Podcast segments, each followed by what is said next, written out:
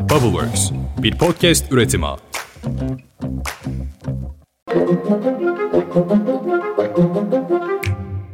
Günaydın. Bugün 29 Mart 2023. Ben Özlem Gürses. Bubbleworks Media ve Pushholder ile birlikte hazırladığımız 5 dakikada dünya gündemine hepiniz hoş geldiniz.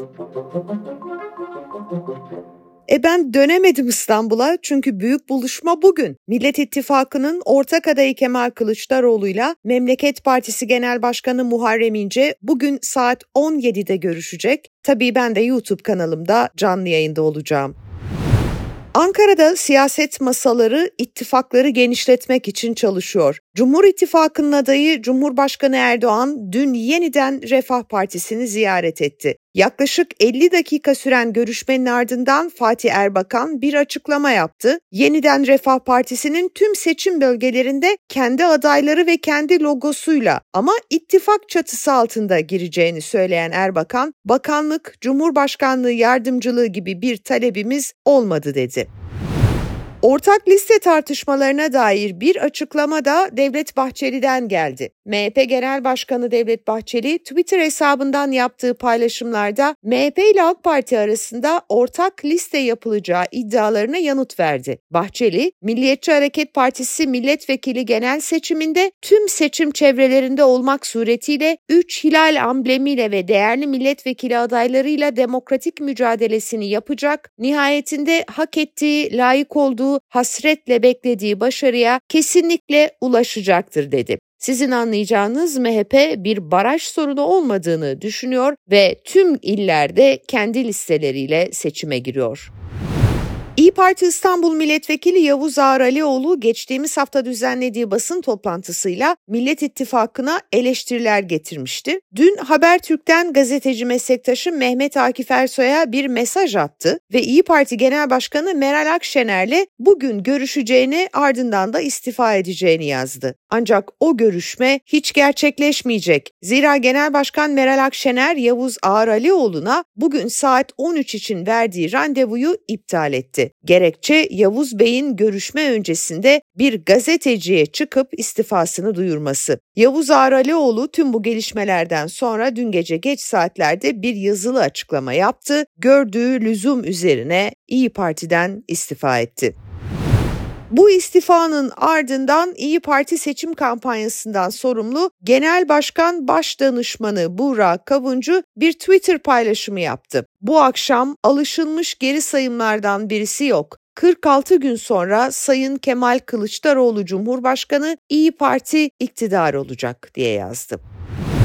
Memleket Partisi Genel Başkanı Muharrem İnce'nin Cumhurbaşkanı adaylığı için 100 bin imzayı tamamlamasının ardından gözler Millet İttifakı'nın Cumhurbaşkanı adayı Kemal Kılıçdaroğlu ile gerçekleştireceği görüşmeye çevrilmişti. Memleket Partisi kendilerine bir talep geldiğini açıkladı ve bugün genel merkezlerinde yapılacak olan görüşmeye ilişkin şöyle bir açıklama yaptı. CHP Genel Merkezi'nden gelen talep üzerine Genel Başkanımız ve Cumhurbaşkanı adayımız Sayın Muharrem İnce ile CHP Genel Başkanı ve Cumhurbaşkanı adayı Sayın Kemal Kılıçdaroğlu 29 Mart 2023 Çarşamba günü saat 17'de Memleket Partisi Genel Merkezi'nde görüşeceklerdir. Evet açıklama böyle yani büyük gün bugün. Peki sizce Muharrem İnce Cumhurbaşkanı adaylığından vazgeçer mi? Açıkçası benim Ankara'da edindiğim izlenim görüşmeden böyle bir karar çıkmayacağı yönünde.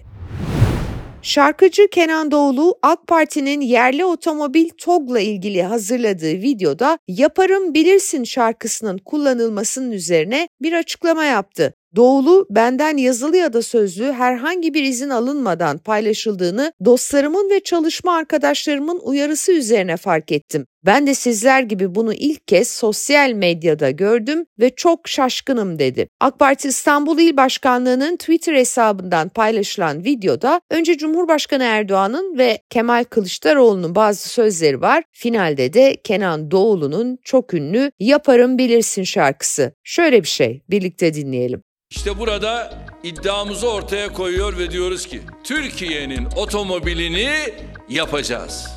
Hiç şüpheniz olmasın. Hani oturdular, büyük gösteriler yaptılar, iş adamları bir araya geldi, bakanlar, başbakanlar, cumhurbaşkanları bir araya geldi. Otomobil üretiyoruz dediler. Nerede? Milleti kandırmak. Nerede? Yaparım bilirsin. HDP yarın seçim bildirgesini açıklayacak. Eş Genel Başkan Mithat Sancar, meclisteki grup toplantısında seçim bildirgemiz son aşamasına gelmiş durumda. 30 Mart'ta büyük bir buluşmayla açıklayacağız ve açıklayacağımız bildirge Türkiye'nin demokratik çözüm programı olacaktır diye konuştu. Mithat Sancar'ın grup konuşmasındaki diğer sözleri de şöyle. Biz onların hileleriyle de oyunlarıyla da her türlü kumpasıyla da baş etmeyi öğrendik. İşte bu da onlara büyük dert olsun. Uluslararası Çalışma Örgütü ILO, Türkiye ve Suriye'de depremler nedeniyle çok sayıda kişinin işini kaybettiğini belirtti. İstihdam için acil önlemler alınması çağrısında bulundu. ILO'nun raporuna göre Türkiye'nin depremden etkilenen bölgelerinde en az 658 bin kişi artık geçimini sağlayamayacak durumda. 150 binden fazla iş yeri ise kullanılamayacak hale geldi. Türkiye'de tarım arazileri parsel parsel satılıyor. Çevre Şehircilik ve İklim Değişikliği Bakanı Murat Kurum kendisine yönelik bir soru önergesine yanıt verdi ve geçen yıl 5 milyon 219 bin 309 metrekare tarım arazisinin yabancılara satıldığını açıkladı. En fazla taşınmaz alan ilk 3 ülke Ürdün, Filistin ve İsrail olmuş. 2022 yılında yabancılara en fazla Konya'dan tarım arazisi satılmış. Konya'yı İstanbul izliyor. Sıralama aslında şöyle. Konya, İstanbul, Bilecik, Manisa, Sakarya, Kırklareli, Eskişehir, Denizli, Bursa ve Kocaeli. Demirören Holding biliyorsunuz Doğan Holding'i satın almıştı ve Ziraat Bankası'ndan da yüklü bir kredi kullanmıştı. Meğer bu kredi borcunun sadece yüzde üç buçuğunu ödemiş. Ziraat Bankası yaklaşık 17 milyar dolar borcu bulunan Demirören Holding'in yalnızca 586 milyon 221 bin 750 lira ödediğini açıkladı. Bu rakam toplam borcun yüzde üç buçuğuna denk geliyor.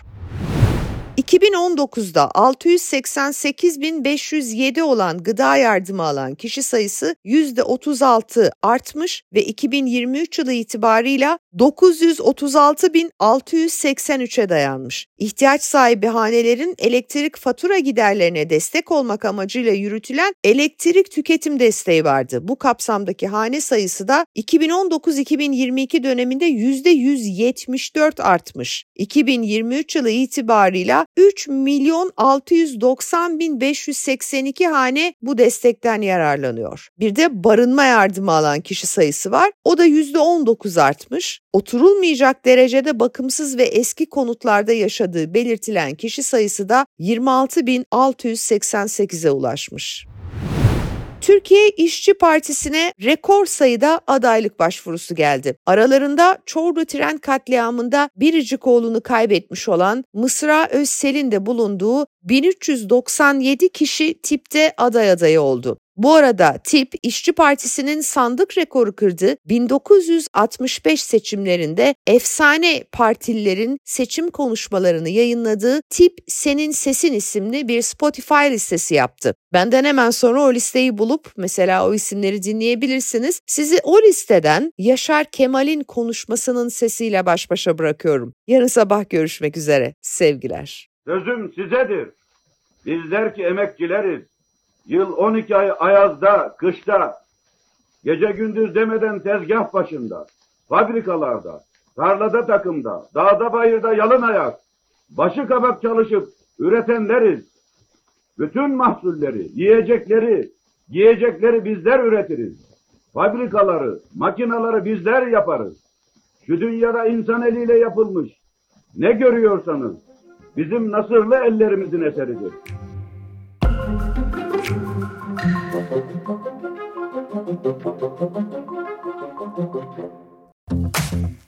Bubbleworks, bir podcast üretimi.